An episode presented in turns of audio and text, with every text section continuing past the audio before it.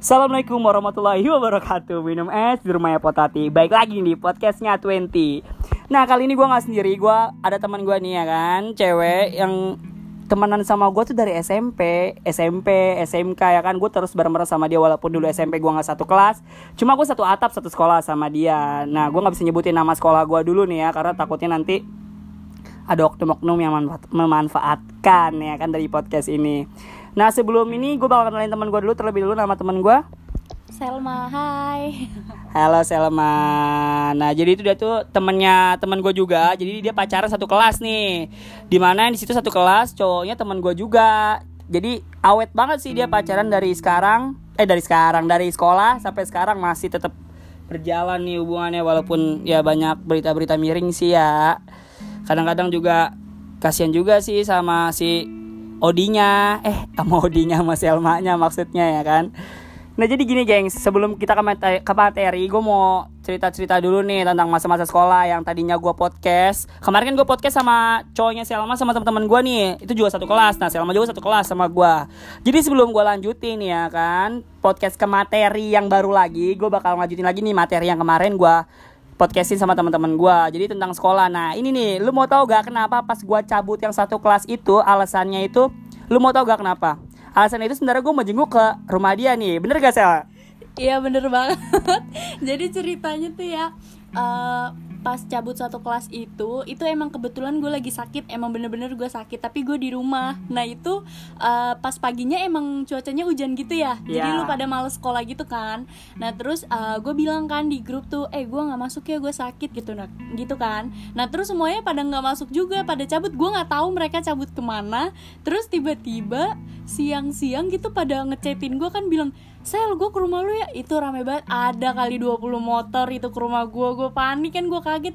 Emak gue sampai bingung ini kenapa? kata dia gitu kan. Sel kalau ditanya guru kita kita semua jengukin lu ya. Gue gue kaget kan besokannya nyokap gue dipanggil asli Nah di situ. Jadi itu yang kemarin pada nanya itu orang satu kelas cabutnya ke mana ya? Kan nggak mungkin ya kan kalau misalnya misal misal nah jadi itu kita cabut emang udah direncanain gengs. Karena emang ini pelajaran yang enak banget terus cuacanya lagi mendukung banget ya kan buat alasan nggak masuk. Karena pas lagi di sekolah kita itu kalau misalnya hujan itu kita diperbolehin buat datang telat. Mau datang jam berapapun yang penting datang. Tapi ya gimana ya udah sampai siang mendingan gak usah masuk lah ya kan? Nah, sebelum gua ke materi gue ini, yang selanjutnya yang berjudul harta, tahta dan keluarga.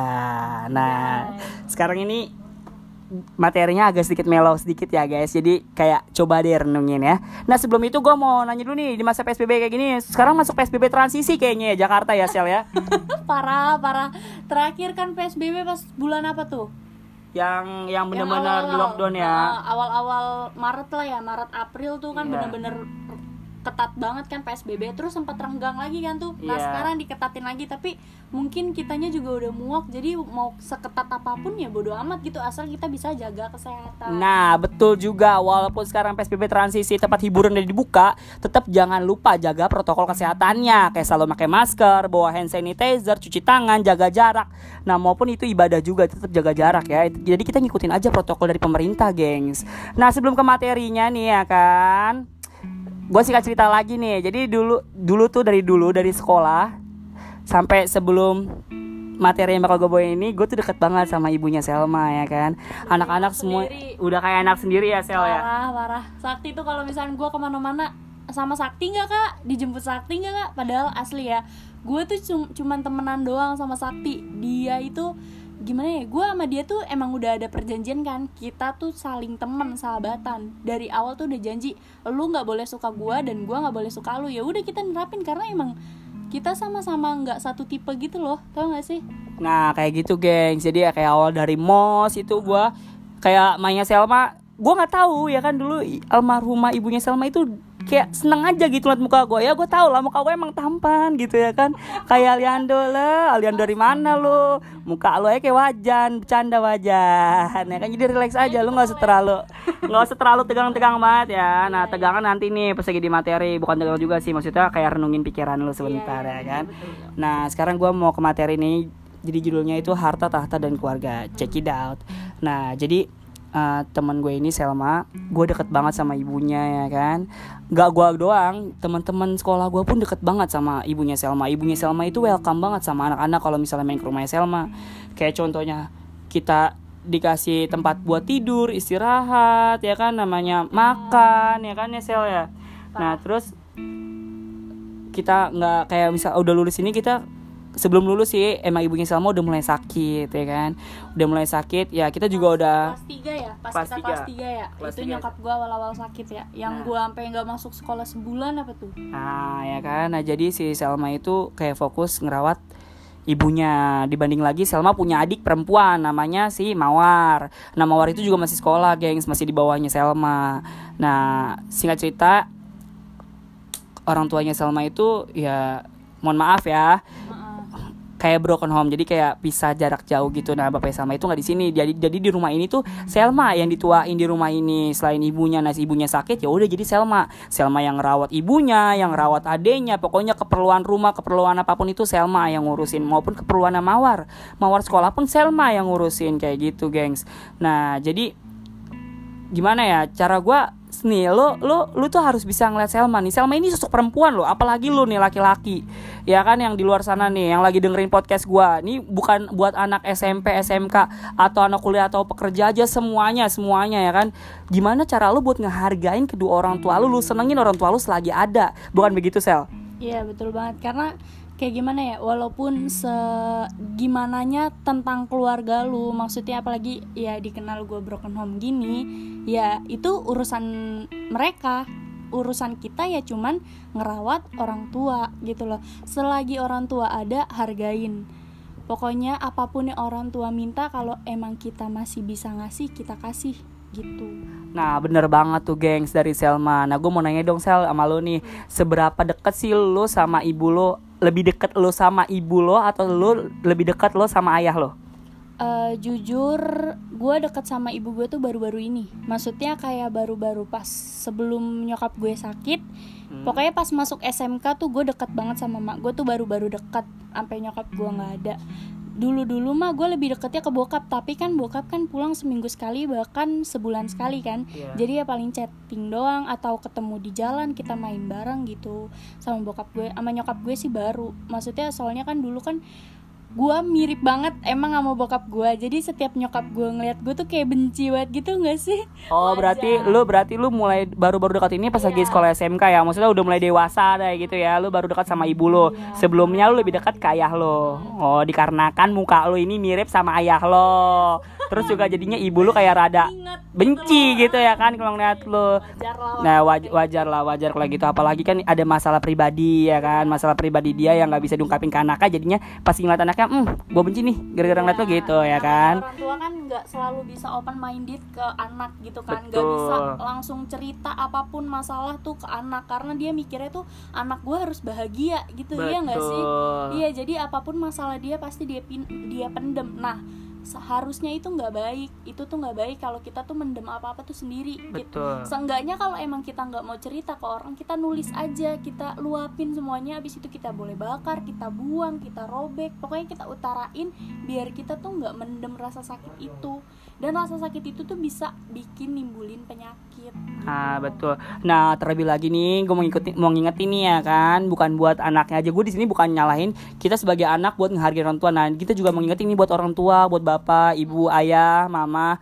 Coba dong, tolong kalau misalnya ada masalah ya kan ke- eh, dari kalian berdua, usahain jangan sampai kita terlalu jadi beban pikiran tahu. Lebih baik kalau misalnya itu ayo dibicarakan baik-baik ya kan? Kalian berdua kalau misalnya emang kalian nggak mau tahu kalian nggak mau anak kalian ber, uh, kena pikirannya gitu kena psikisnya karena kalian berantem lah apa kalian coba bicarain baik-baik. Karena apa? Kita di sini juga sebagai anak juga pasti mikirin kok. Nggak mungkin kayak lepas ah bodo amat urusan orang tua ini. Enggak kita nggak kayak gitu. Malah kita terlalu bawa pikiran dibanding kalian kayak terlalu mikirin aduh kenapa sih nyokap gue bokap gue? Bukan begitu kan sih Sel? Iya bener banget. Apalagi kalau misalkan biasanya nih nyokap lu sama bokap lu tuh harmonis misalnya.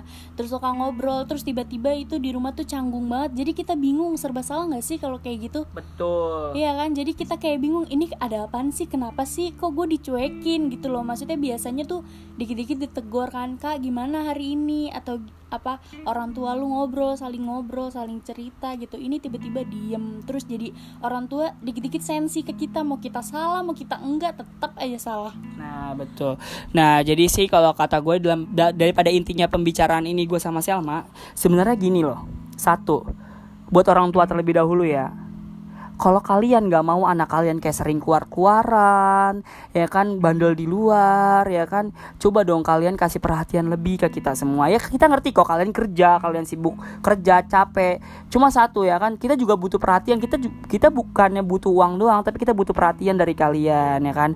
Dan yang kedua, nah buat kalian nih anak-anak yang broken home, jangan selalu berpikiran kalau misalnya anak broken broken home itu hancur, salah, salah ya sel. Karena anak broken home itu tergantung sama orangnya juga sih itu Nah. balik lagi sama orangnya kalau emang dia terlalu kayak mentingin terlalu mentingin terlalu bawa hati banget ya bakal salah gaul gitu loh Betul. ibaratnya cuman ya kita harus mikir lagi oh iya orang tua gue kayak gini punya alasan tertentu dan itu Benar. gue nggak harus tahu gitu loh maksudnya gue juga sebagai anak ya yang gue tahu ya cuman belajar belajar ya belajar gitu kan soalnya bokap gue tuh pernah bilang apa pun masalah orang tua lu lu nggak harus mikirin. Jadi ya udah jalanin aja hidup hidup lu.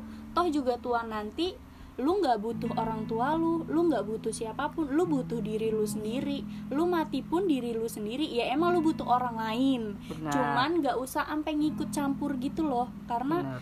kayak gimana ya eh, masalah lu sendiri aja kalau ada orang yang ikut campur gimana sih rasanya gak enak banget kan ya walaupun itu niatnya baik Betul. buat baik-baikin kita buat tahu gimana sih gitu kan tapi rata-rata kan orang cuman mau tahu aja iya kan Benar, bukannya ngebantu tapi cuma mau tahu aja ya. Nah, uh-uh. Di balik mau taunya aja itu kebanyakan orang malah nyorokin, bukannya nggak bantu. Nah, ya tapi sih kalau kata gua sih ya pentingnya keterbukaan dalam keluarga itu penting banget nomor satu karena apa ya kan? Karena ya kita nih keluarga loh.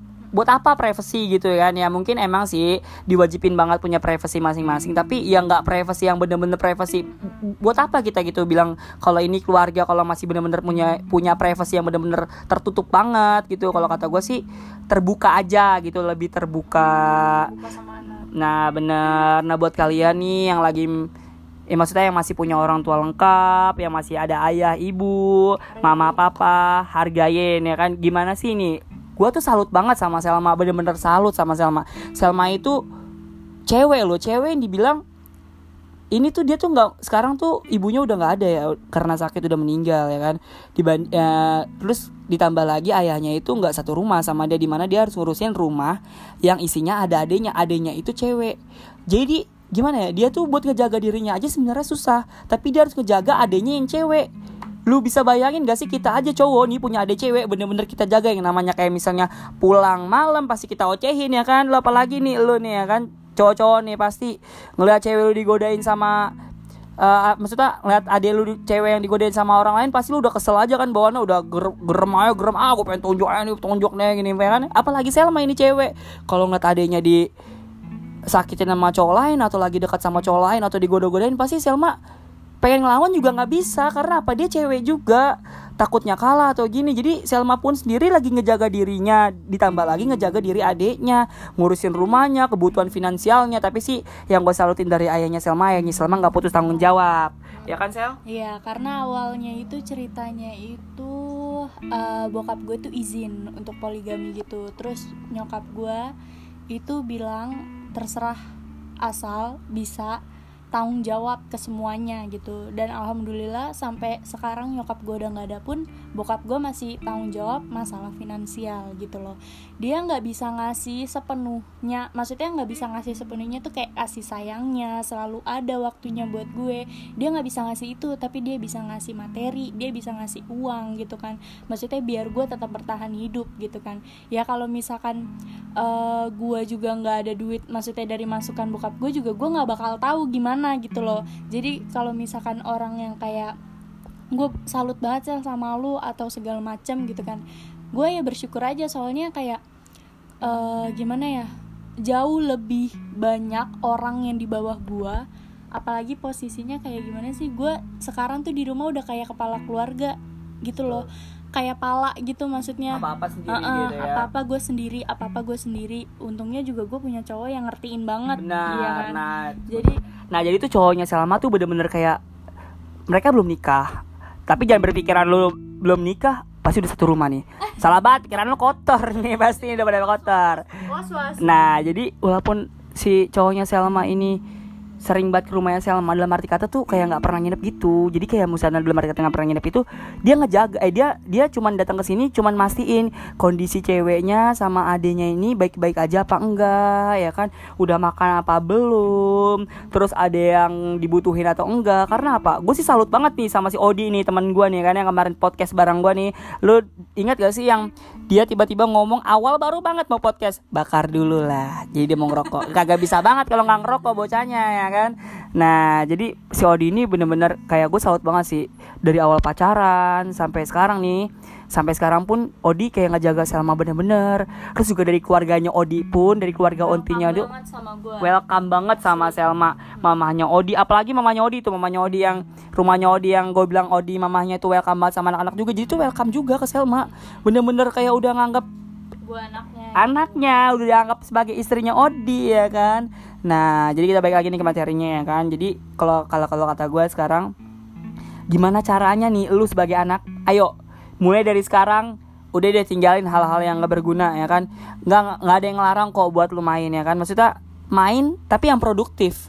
Tinggalin deh hal-hal negatif dari sekarang ya kan? Karena apa? Lu bakal nyesel nanti ke depannya. Kayak lu sekarang masih main-main ya kan? Umur lu sekarang misalnya 20 ya kan? Lu mau sampai kapan gengs ngejalanin kehidupan lu yang serius gitu? Ini lu buka deh lu buka mata lu pelan-pelan ya kan? Itu lu bak lu di situ banyak banget masa depan masa depan yang harus lu raih ya kan? Terang banget masa depan dunia ini tuh banyak ya kan? Cakar-cakar lu harus cakar-cakar nih ya kan? Cari perusahaan-perusahaan bekerja kerja ya kan? Pokoknya Nah, jangan lupa sama orang tua. Gue yang gue takutin satu nih, kebanyakan orang, kebanyakan manusia susah. Nah, yang udah jaya, justru lupa sama orang hmm, bener banget lupa sama orang tua ya kan. Gue udah punya uang ini, buat apa orang tua orang tua lu udah rentah lu tinggalin. Salah banget. Eh, lu gunanya orang tua ngera eh gunanya orang tua ngelahirin lu itu suatu saat kalau dia sakit ya lu yang rawat dia betul ya banget. kayak gue nih eh, bukannya gue banggain diri gue sendiri ya tapi ya sebagai contoh aja gitu loh gue ngerawat nyokap gue itu selama sakit sampai nyokap gue udah nggak ada itu empat tahun. Bener banget. itu empat tahun. Gue punya adik cewek dan ya namanya masih bocah gimana sih labil segala macam. Terus emang butuh banget perhatian apalagi posisinya di situ. Pas nyokap gue awal sakit tuh nyok adik gue masih SD deh kayaknya. Hmm. masih SD terus abis itu gue eh, pas lulus sekolah kan itu kan gue kelas 3 SMK ya. Iya. pas nyokap gue sakit tuh pas lulus sekolah itu gue langsung daftar kuliah. Gue sebenarnya keterima di UGM ya kan? Cuman nyokap gue itu awal ngomong kayak gini. Itu nyokap gue udah sakit tapi belum parah. Baru yang kayak gejala-gejalanya gitu doang loh sak yang Hmm. berobat jalan segala Iya. macam gitu. Nyokap gue ngomong gini nggak usah lah kak jauh-jauh gitu.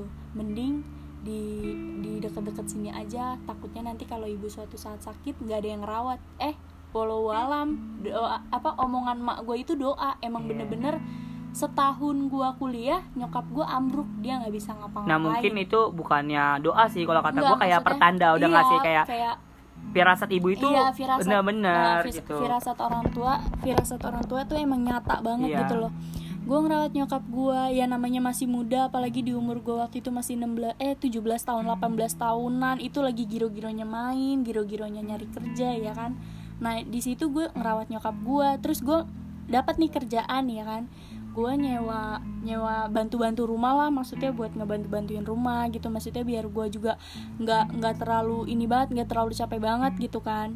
Pokoknya nyokap gue tuh kalau gue tinggalin itu pas gue mau kerja tuh udah rapi semua. Udah gue mandiin udah gue suapin pokoknya udah bersih jadi gue pulang juga sih. Yang gue nyari kerjaan tuh yang bener-bener waktunya tuh fleksibel banget gitu loh. Bener. dan nyokap gue yang ampe parah banget ampe nggak bisa bangun itu akhirnya gue resign dari kerjaan gue dan gue fokus apa fokus ngejagain nyok- nyokap gue ngerawat nyokap gue sampai nyokap gue masuk rumah sakit dua bulan pun itu bener-bener Odi nemenin gue dua bulan Iya, full. betul, betul, betul. jadi dia rela-relain berangkat kerja itu dari rumah sakit nemenin gua dan dia pulang kerja itu cuman eh ke rumahnya sebentar cuman mandi ganti baju terus balik lagi ke rumah sakit nemenin gue ya Allah bener. Gue kayak gimana ya? Jarang banget cowok yang kayak gitu apalagi posisinya gue masih pacaran sama dia gue Hmm. juga nggak bisa ngasih apa-apa ke dia gitu kan. Ibaratnya tapi dia tuh bener-bener nerima gue apa adanya dan dia nggak cuman cinta sama gue doang. Nggak Cinta cuman sama keluarga lo cinta juga sama ya. keluarga gue doang eh cinta sama keluarga gue juga gitu loh. Gue deket sama Odi gue awal pacaran sama Odi tuh dari nyokap gue sehat sampai nyokap gue nggak ada. Awal masuk rumah sakit dia yang panik dia yang nyari nyari apa ambulan segala macam. Pas nyokap gue nggak ada dia yang ngurus sama bokap gue. Karena kan gue eh, rumah gue di Tangsel nih tapi kartu keluarga sama KTP gue masih di Jakarta. Jakarta. jadi harus mondar mandir terus. Sedangkan itu nyokap gue meninggal itu pada maghrib Iya. Iya kan? Nah semalaman itu dia ngurus sama bokap gue. Gue kayak nggak gimana ya kalau ampe suatu saat Odi bakal pergi ninggalin gue atau gue yang ninggalin dia ya namanya jodoh nggak ada yang tahu kan? Ya dia sih yang paling berkesan buat gue sumpah. Ya kalau kata gue sih diaminin aja semoga jadi ya kan nikah langgeng ya kan. amin. Nah pada intinya sih gue cuman bilang tim medis terdekat itu orang-orang yang ada di sekeliling lo. Contohnya misalnya di rumah tim medis yang terdekat itu ada ibu lu. Kalau ibu lu sakit ada ayah lo, ada lo, ada kakak lo, ada adik lo. Jadi pada intinya lu coba ngerangkul nih. Jadi dalam, dalam satu rumah nih, sekarang lu lagi dengerin misalnya satu rumah nih ya kan. Ada ibu, bapak, ayah, adik, kakak, eh, kakek, nenek. Coba ayo kita kumpul bareng-bareng ya kan. Kita renungin dari podcast ini ya kan. Gimana caranya ayo kita terbuka sekarang, kita ngelakuin hal bareng-bareng ya kan. Karena apa? Kalau bagi gue waktu itu nggak bisa diulang lagi, gengs. Nggak bisa. Benar pun. Jadi kayak kebahagiaan itu sekecil apa pun lo harus apresiasiin. Karena apa? Dari hal yang terkecil itu bisa jadi besar. Jadi begitu pun juga bukan bahagia, masalah pun juga kayak gitu. Jangan mentang-mentang masalah kecil udah deh sepelein, nggak bisa kayak gitu. Yang namanya masalah kecil harus selesain, diomongin secara baik-baik karena apa nggak? Jadi biar nggak ngelebar gitu. Nah jadi pada intinya sih podcast kali ini gue mau ngingetin kalian semua hargain orang tua lu, hargain orang sekitar lu, sayangi orang orang tua lo, say- sayangi orang-orang sekitar lo, bukan pacar doang yang lo sayangin, teman, keluarga, sahabat, ya kan, tetangga lo. Jadi kita harus care, care ke semua orang ya kan. Dalam arti kata walaupun gak kenal, tapi lu tuh kayak misalnya punya rasa iba tuh berusaha gitu. Walaupun gak kenal lu tetap bantu dia gitu. Sebagaimanapun lu bantu tapi dalam hal-hal yang positif ya. Jangan misalnya temen lo mau make narkoba lu bantuin lu beliin barangnya eh, salah banget lu kalau kayak gitu. Lu namanya kurang ajar kalau kayak gitu ya kan? Ngebantu lu. Tetam- teman lu masuk neraka lu juga masuk neraka ya kan? Jadi kalau kata gua ayolah kita lakuin hal positif hal positif mau dari individu maupun dari pihak eh, dari maupun dari individu maupun di sekitar orang sekitar lo gitu kan bareng-bareng gitu. Jadi kayak nggak usah ngelakuin hal-hal yang negatif dia sekarang udah nggak zaman banget ya kan ngelakuin hal-hal negatif. Ketimbang lagi ini gue masuk lagi ke materi ya Selma. Udah ngelakuin kalau kata gue sih gue sampai cerita loh sama nyokap gue surga banget. Nyokap gue bilang surga banget buat dia yang udah ngerawat ibunya apalagi ditambah lagi dia cewek. Cewek yang mempunyai adik cewek bener-bener. Surga banget buat dia. Tugas dia udah selesai udah ngerawat ngerawat ibunya. Gue sampai cerita ke nyokap gue nyokap gue pun nangis. Nyokap gue tuh sampai bilang nanti AA bisa gak A? Kayak gitu A. Karena kan gue gue pun padahal gue bukan orang Sunda nih tapi gue dipanggilnya A. Aneh gak sih menurut lo? Padahal gue orang Betawi dipanggilnya A bapak gue Jawa mak gue Betawi dipanggilnya A. Anak sape gue sebenarnya ya kan? Nggak nyambung banget. Dari Betawi Jawa nyambungnya Sunda ya kan? Nah jadi gue cerita sama nyokap gue nyokap gue bilang ya kan gimana eh, kalau misal mama kayak gitu AA bisa gak kayak gitu? Di situ gue pun mikir lagi nangis ya kan apa iya gue bisa bis- bisa sekuat Selma? Apa iya gue bisa setegar Selma ya kan? Dengan kondisi apa namanya finansial yang lagi kayak gini ya kan? Selma kemarin juga ibu meninggalnya lagi dalam keadaan pandemi kayak gini ya Sel ya ya kan? Susah banget. Itu bener-bener berat banget berat banget. Gua gua yang gua rasain tuh ini tuh aduh gue mikir lagi ya kan? Jadi buat lo semua nih nggak usah deh nyepelein hal-hal kecil gitu walaupun kebahagiaan setitik apa pun lo harus aduh bener-bener deh. Dia tuh ceritanya bener-bener merinding banget Selma tuh kayak gue tuh bener-bener eh salut banget.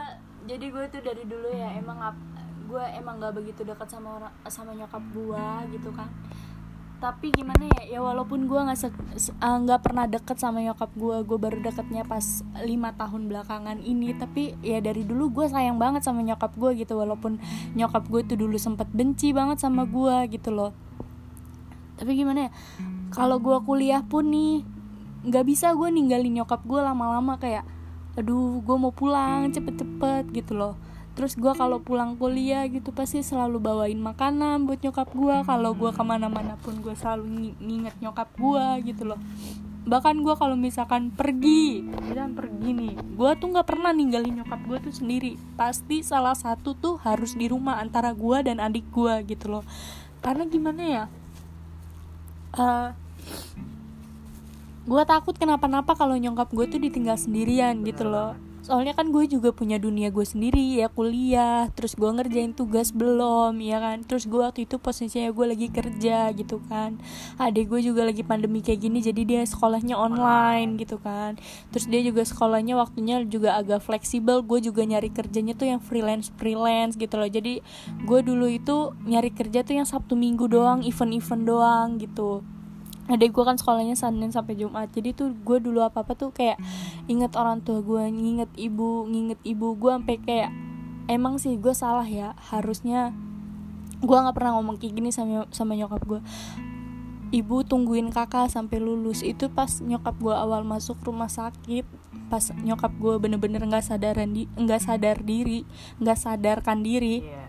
gue ngomong ibu-ibu jangan pergi dulu. Kakak mau lihat kakak mau ibu lihat kakak lulus kuliah dulu. Gue ngomong gitu.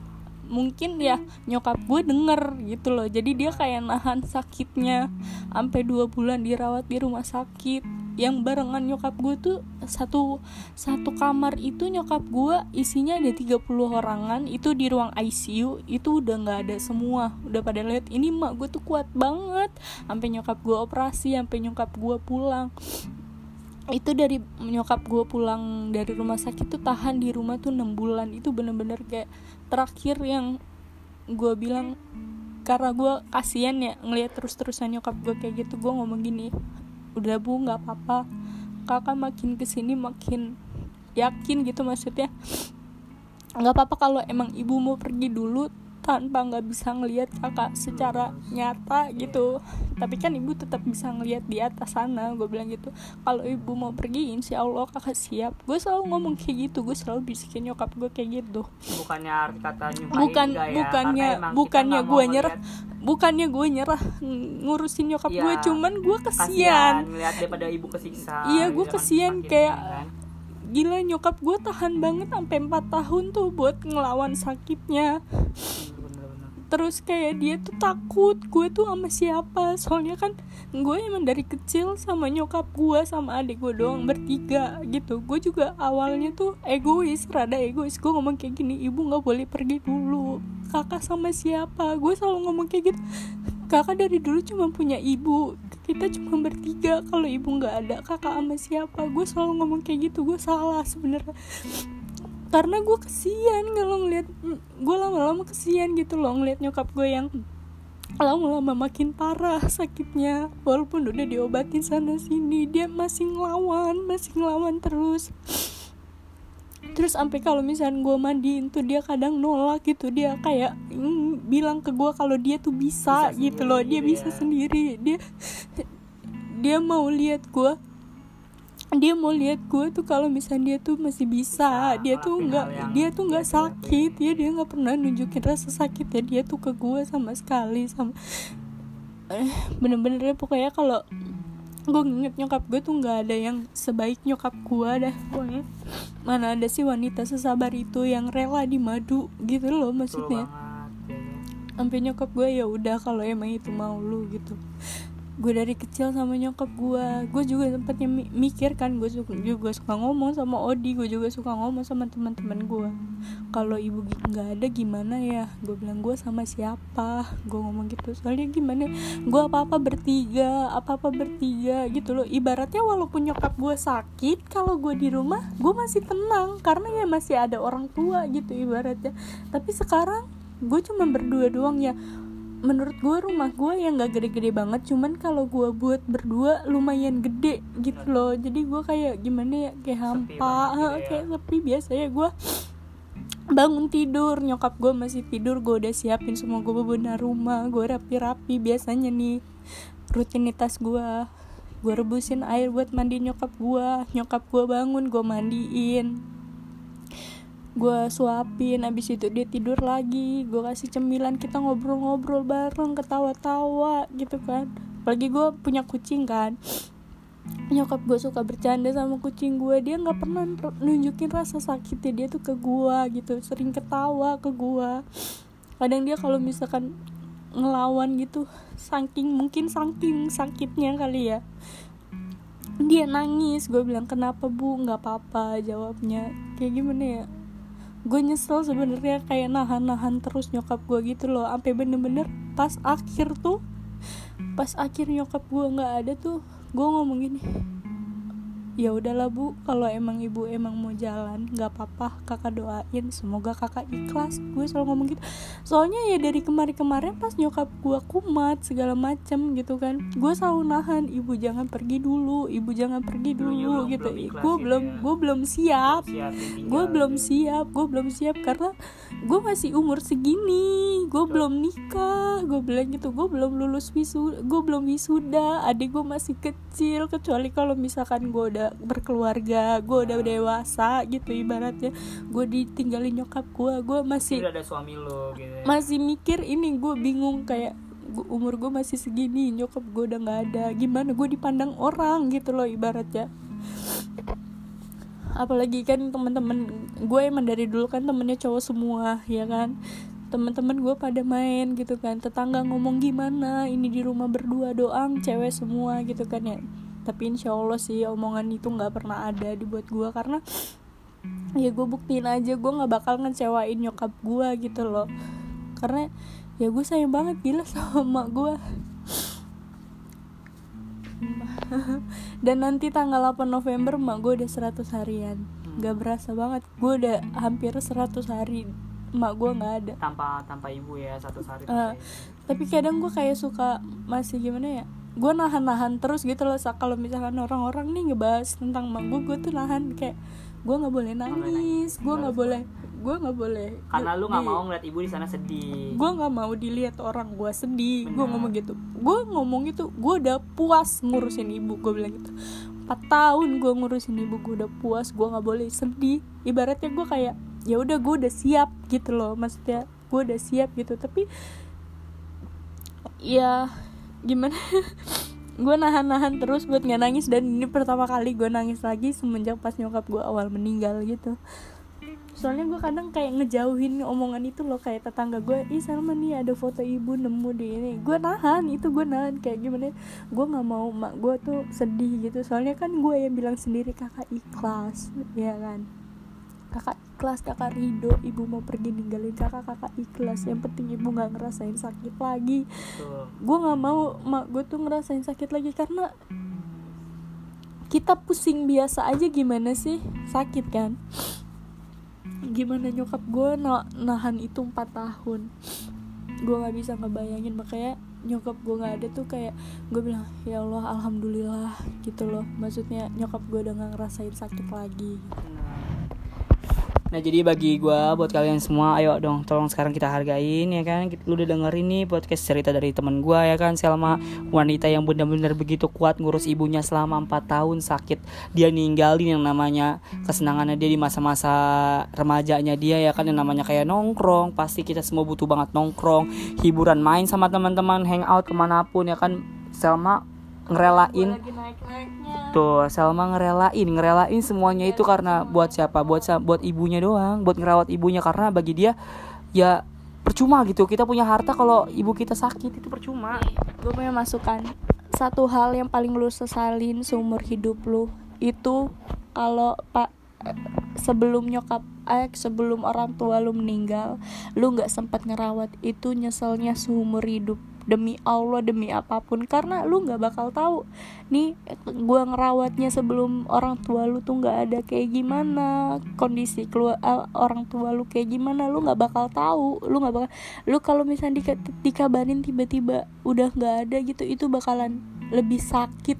Demi Allah gue gua rasa itu lebih sakit. Karena gue dibilang sedih kemarin sedih loh. Cuman gue nggak sampai kayak yang orang-orang gitu. Maksudnya orang-orang yang sampai pingsan atau segala macem gitu kan karena gue udah udah tiap hari udah ngeliat gitu. Lu gue udah hantep iya gue udah hantepin nyokap gue itu rata-rata orang yang kayak gitu dia semasa eh, orang tuanya pas sakit dia nggak sempetin waktu minimal ya seminggu lah gitu loh minimal ya.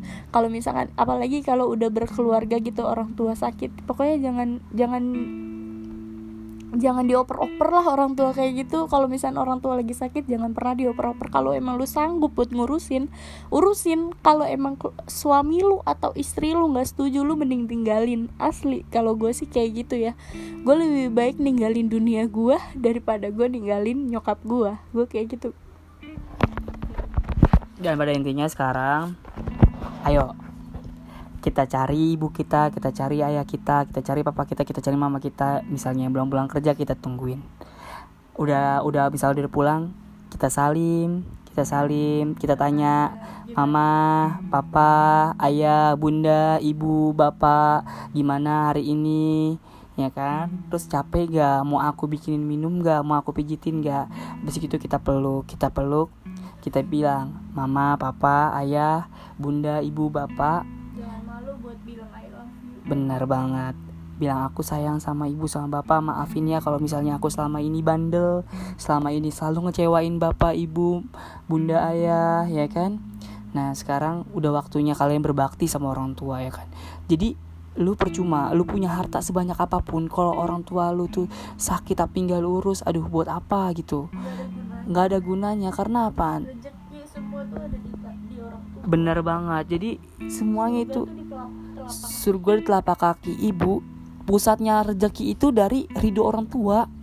Ridhonya orang tua. Jadi kalau setiap langkah kaki lu itu udah nggak diriduin sama orang tua lu mau ke mana pun lu mau cari rezeki ke mana pun nggak ada. Yang namanya kalau misalnya Allah udah bilang rezeki itu diatur Tuhan udah bilang rezeki diatur. Tapi kalau nggak ada ridho dan restu dari orang tua nggak bakal ada nggak bakal nyampe yang ada malah apa? Malah petaka di hidup lu yang dapat eh yang lu dapat jadi bagi gua nah sekarang udah udah udah nih sedihnya ya kan. Udah udah lagi sedihnya. Udah kayak gitu udah peluk peluk orang tuanya minta maaf ya kan. Pokoknya janji bakal ngelakuin hal positif ngebanggain orang tua lakuin hal-hal yang benar. Jangan bikin orang tua malu bikin orang tua lu bangga. Ini loh anak gua. Ini loh ma pa aku ya kan. Dengan prestasi aku ya kan. Dengan apa namanya apa yang apa yang dihasilin sama aku sekarang ini buat ibu sama ayah ya kan? Buat papa sama ayah buat papa sama mama ya kan? Jadi kayak ya udah sekarang lu tinggalin hal-hal negatif lu. Nah sekarang gue mau bilang terima kasih banget nih sama Selma yang udah ngisi podcast gue jangan kapok-kapok ya ngisi podcast gue cuma lu bikin gua sedih aja anjir. Ya karena ini ya walaupun gue bikin sedih Salma jadi buat kalian juga buat kalian buka pikiran kalian ya kan buka pikiran kalian ya kan? Jangan selalu pikirin main main main aja. Lu pikirin nih orang tua lu ya kan? Udah makan belum? Apalagi lu yang udah kerja. Pelit banget udah punya gaji lu ya kan? Jangan pernah pelit sama orang tua karena rezeki lu itu sebagiannya itu punya orang tua lu. Nah, terus jangan juga lupa nih ya kan? Buat santunin anak yatim yang kalau ada rezeki lebih. Terus juga lu apa namanya sodako atau infak ke masjid-masjid ya kan? Karena buat apa? Ya? Itu karena sebagian rezeki lu itu bukan eh karena tuh rezeki rezeki lu itu bukan milik lu sepenuhnya. Uang lu itu bukan milik lu sepenuhnya karena ada rezeki orang lain yang ada di rezeki lu kayak gitu, gengs. Nah, pada intinya sekarang ayo kita udah senang-senang lagi, nggak usah sedih-sedih lagi kita bangkit, kita bangkit, kita raih masa depan kita, kita banggain kedua orang tua kita, nggak usah lagi deh yang namanya malu untuk bilang I love you ke mama atau ke ayah ya kan. Nah, gue terima kasih banget sama Selman ya Sel, jangan kapok-kapok ya Sel ya, buat kalau misalnya gue undang lagi ke podcast gue. Satu pesan gua hargai orang tua lu selagi ada. Betul banget, hargai orang tua lu selagi ada ya kan. kalau udah gak ada lu bakal nyesel seumur hidup. Nah benar, nah mungkin sekarang lu lagi nonton, eh lagi denger ini pada mewek ya, sediain tisu. bang gara-gara lo nih bang. Gue jadi beli tisu nih bang ya kan? Gue jadi nangis ya kan? Ya karena apa? Ya emang ini real. Real yang ada di cerita kehidupan yang nyata. Bukannya fiktif bukan. Bener-bener real ya yaudah sekarang cukup sekian aja kali ya materi harta tahta dan keluarga dari gue sama Selma nih temen gue ya kan Nah lain kali gue bakal lagi nge gue bakal ngebahas ngebahas uh, materi-materi yang lainnya yang nggak yang nggak ada yang nggak sedih-sedih juga ya kan. Jadi podcast gue ini campuran sebenarnya ada motivasi. Oplos, oplos. Nah jadi gue nggak mau bikin kalian bete, bang gue dengerin lu ngoceh mulu tentang ini bosen gue ya kan. Udah lu ngoceh mulu kepanjangan ya kan, kagak ada tintinya itu mulut lu kayak kereta ya kan, kagak ada putus-putusnya. Nah jadi cukup sekian dari podcast gue ya kan. Gue ucapin wassalamualaikum warahmatullahi wabarakatuh. Bye bye.